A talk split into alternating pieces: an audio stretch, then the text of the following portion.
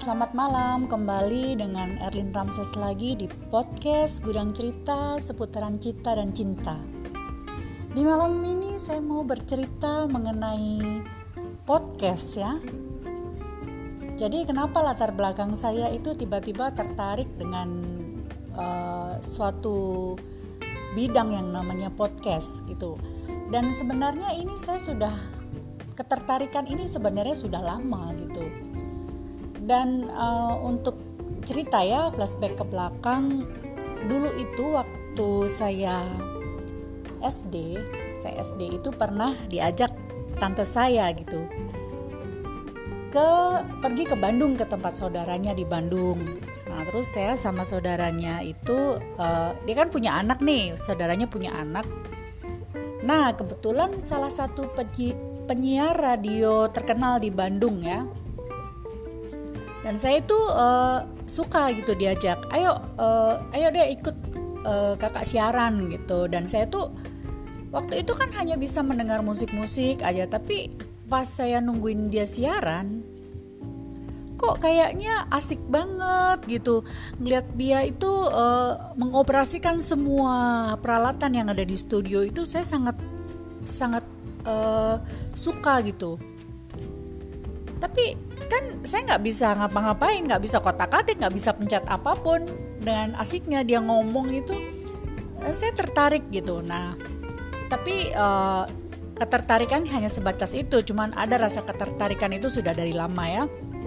Nah terus um, begitu memasuki kuliah ya masuk kuliah itu uh, saya mulai sibuk dengan kegiatan kampus seperti kalau hari Sabtu Minggu itu dari kampus sering mengadakan event-event gitu ya yang kerjasama dengan uh, sponsor-sponsor. Misalnya kami memang dari kampus itu sering mengajarkan mahasiswanya itu tidak hanya teori ya karena saya kuliah di bidang di Fakultas Ekonomi jadi diajarkan bagaimana cara mem apa memasarkan sebuah produk kemudian promosi itu seperti apa itu bukan hanya teori tapi kita harus masuk ke dalamnya. Nah kita harus ikut serta. Misalnya kita jadi sales promotion girlnya atau jadi MC-nya apa pun lah pokoknya kita harus ikut serta di dalam situ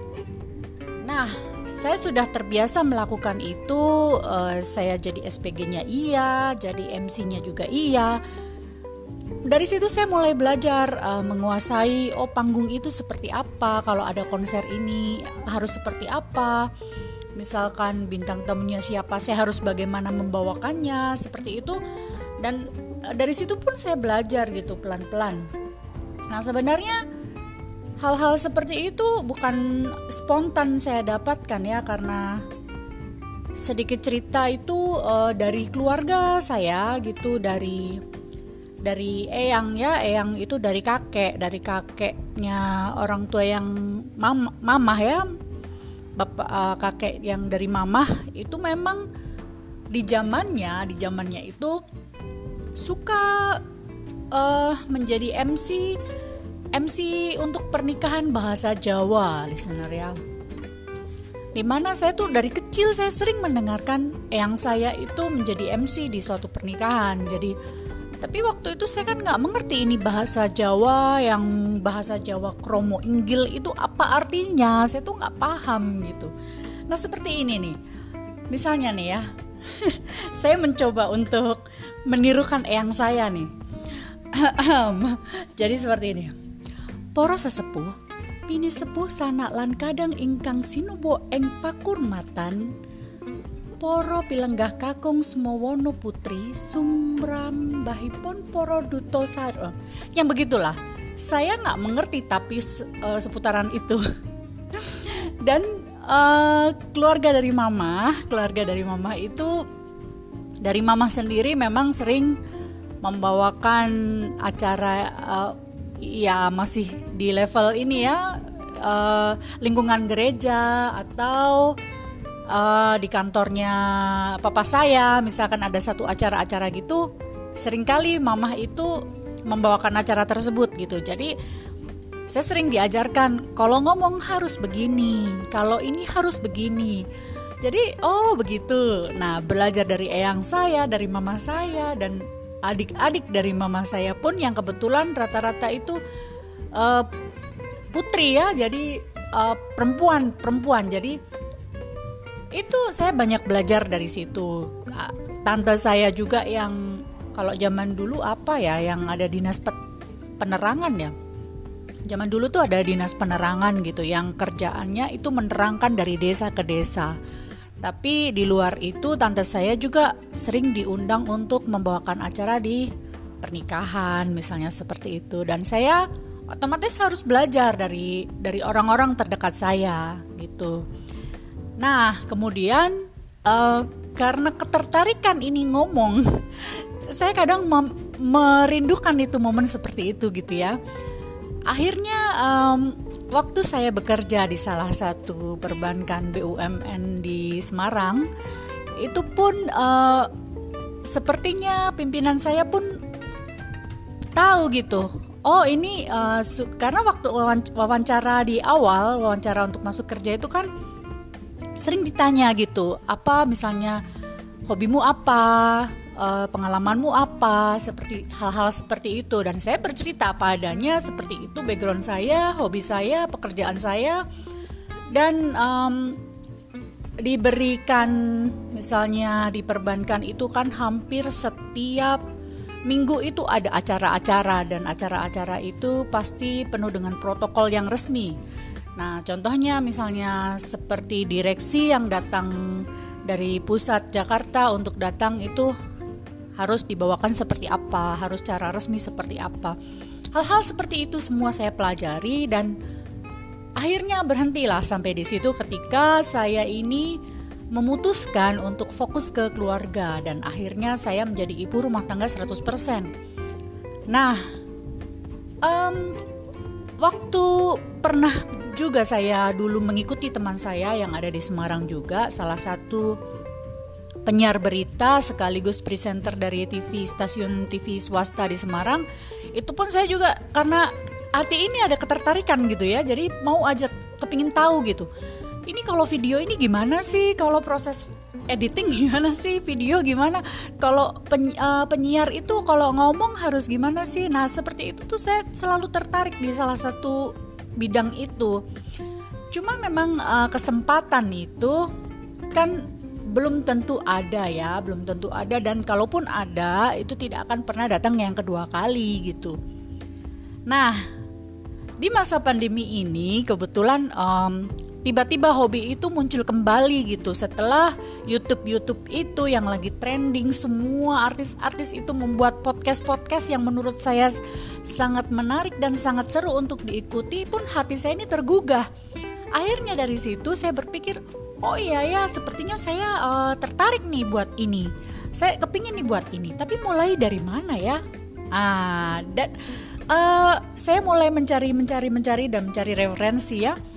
Kayaknya saya mulai dari mana ya? Tapi um, yang saya tarik kesimpulan adalah uh, learning by doing ya. Jadi kalau saya itu memulai dari niat dulu saya punya niat apa saya jalankan dulu. Contoh misalkan saya ini punya handphone saja, saya belum punya peralatan yang lain, saya jalankan dengan yang ada. Saya mencari tahu aplikasi apa yang bisa mensupport itu dan uh, saya mendapatkan ini aplikasi yang namanya Anchor ini yang saya sudah pernah cerita di episode berikut uh, sebelumnya ya. Anchor itu apa dan uh, dan ternyata setelah saya mendaftar dan saya mau mencoba itu ya pasti kan namanya mencoba itu ada satu awal tuh tidak percaya diri ya karena kita ngomong nih kan bakal didengar orang. Tapi saya awalnya tidak berharap ada yang dengar karena aduh pasti saya nggak pede gitu. Uh, tapi kok ternyata pas saya upload dan ada yang mendengar satu dua orang itu saya sudah merasa bersyukur dan senang sekali. Oh, ternyata ada yang dengar ya. Ya puji Tuhan gitu. Terima kasih kalau ada yang dengar gitu. Bahkan saya nggak nggak menyangka kalau yang dengar itu pastilah orang-orang terdekat saya dulu ya. Misalkan teman, keluarga itu pasti orang-orang terdekat saya dulu. Tapi yang saya mau bilang adalah um, sebuah niat, sebuah keinginan, bahkan mungkin keinginan itu sudah kita pendam dari lama gitu ya, tapi um, karena waktu dan kesempatan itu yang istilahnya di skip gitu ya, uh, dan tiba-tiba muncul lagi dan muncul lagi gitu. Nggak ada kata terlambat sih sebenarnya listener. Jadi uh, pada saat kita mau aja melakukan itu, mau di usia kapan pun dan yang penting kita niat oke okay lah kita mulai mencoba dan saya mulai mempraktekkan itu dari handphone aja saya bisa ngomong saya dengerin lagi apa yang salah ya apa yang ini sengaja nggak saya edit sengaja nggak saya delete gitu. Fungsinya apa? Supaya saya dikoreksi gitu supaya saya dikoreksi banyak orang. Kalau misalkan kok salah gitu kok gini sih kok gitu sih itu yang saya mau gitu. Atau uh, banyak masukan buat saya supaya apa? Saya lebih memperbaiki. Tapi kalau saya sering-sering edit gitu kan hanya saya yang tahu kesalahannya. Tapi kalau saya sengaja nggak edit orang lain semua akan melihat dan mengkoreksi yang benar begini yang uh, harusnya begini. Itu saya butuh seperti itu. Karena untuk pengembangan saya ke depan lebih baik gitu kan. Nah, setelah saya mencari referensi ke sana kemari, ternyata memang apa uh, satu aplikasi ini ada monetisasi apa ya? Monet, apa itu bahasanya itu yang ada uangnya seperti itu dan saya sebenarnya tidak terlalu berharap ke situ ya. Sebenarnya saya adalah awalnya apa uh, untuk mengekspresikan diri saja lah karena saya perlu untuk mengembangkan diri saya apalagi di masa pandemi ini saya tetap mau berkreasi ber, berkreativitas supaya uh, ilmu saya itu berkembang walaupun istilahnya oh ini hanya ibu rumah tangga tapi saya tuh nggak gaptek gitu loh bahasanya saya tuh oh ngerti istilah-istilah pun saya tahu jadi itu yang saya butuhkan di situ nah ya seperti itu sih uh, latar belakang saya kenapa saya mau mencari tahu. Nah ini sambil sambil ngomong gini saya sambil gaptek tadi saya mau ngomong apa gitu. Saya mau ngomong monetisasi, astaga, monet monetisasi ya. Jadi itu apa ya? Ada satu aplikasi yang nantinya di ujung-ujungnya tuh menghasilkan uang seperti itu ya. Nah itu uh, kalaupun ada itu berarti kan atas hasil apa usaha kita ya ternyata ujung-ujungnya membuahkan hasil. Jadi mindset saya adalah saya belajar dulu di awal, saya memperbaiki dulu di awal, belajar yang baik dulu. Kalaupun toh baik, dengan sendirinya orang akan menyebarkan um, sesuatu yang baik ini gitu. Tetapi kalau saya mindsetnya untuk uang tersebut, akhirnya saya tidak tidak fokus dong dengan apa yang saya kerjakan harus baik dulu gitu, harus benar dulu. Nah, karena saya sibuk hanya mengejar uang, sementara tidak seperti itu ya. Karena uang itu pastinya akan datang sendiri ketika kita dari awal belajar yang benar, belajar memperbaiki apa yang kita hasil hasil karya kita yang kita kerjakan begitu. Uang itu akan ngikut begitu loh, listener. Ya, demikian yang mungkin saya obrolkan um, semoga juga bermanfaat semoga juga menjadi inspirasi seandainya yang mendengar ini lagi kepingin gitu aduh saya kepingin uh, curhat nih. Aduh saya punya pengalaman ini nih. Karena pengalaman setiap orang itu berbeda loh listener. Jangan beranggapan oh, oh saya nggak bisa ngomong nih. Atau aduh suara saya cempreng nih. Tapi kan orang yang cempreng nih yang lagi viral itu yang yang lagi cadel itu pun viral. Karena apa? Ada sesuatu value yang dia jual gitu ya. Itu percaya diri. Sehingga seluruh Indonesia ini menyorotin dia dan akhirnya dia muncul di permukaan.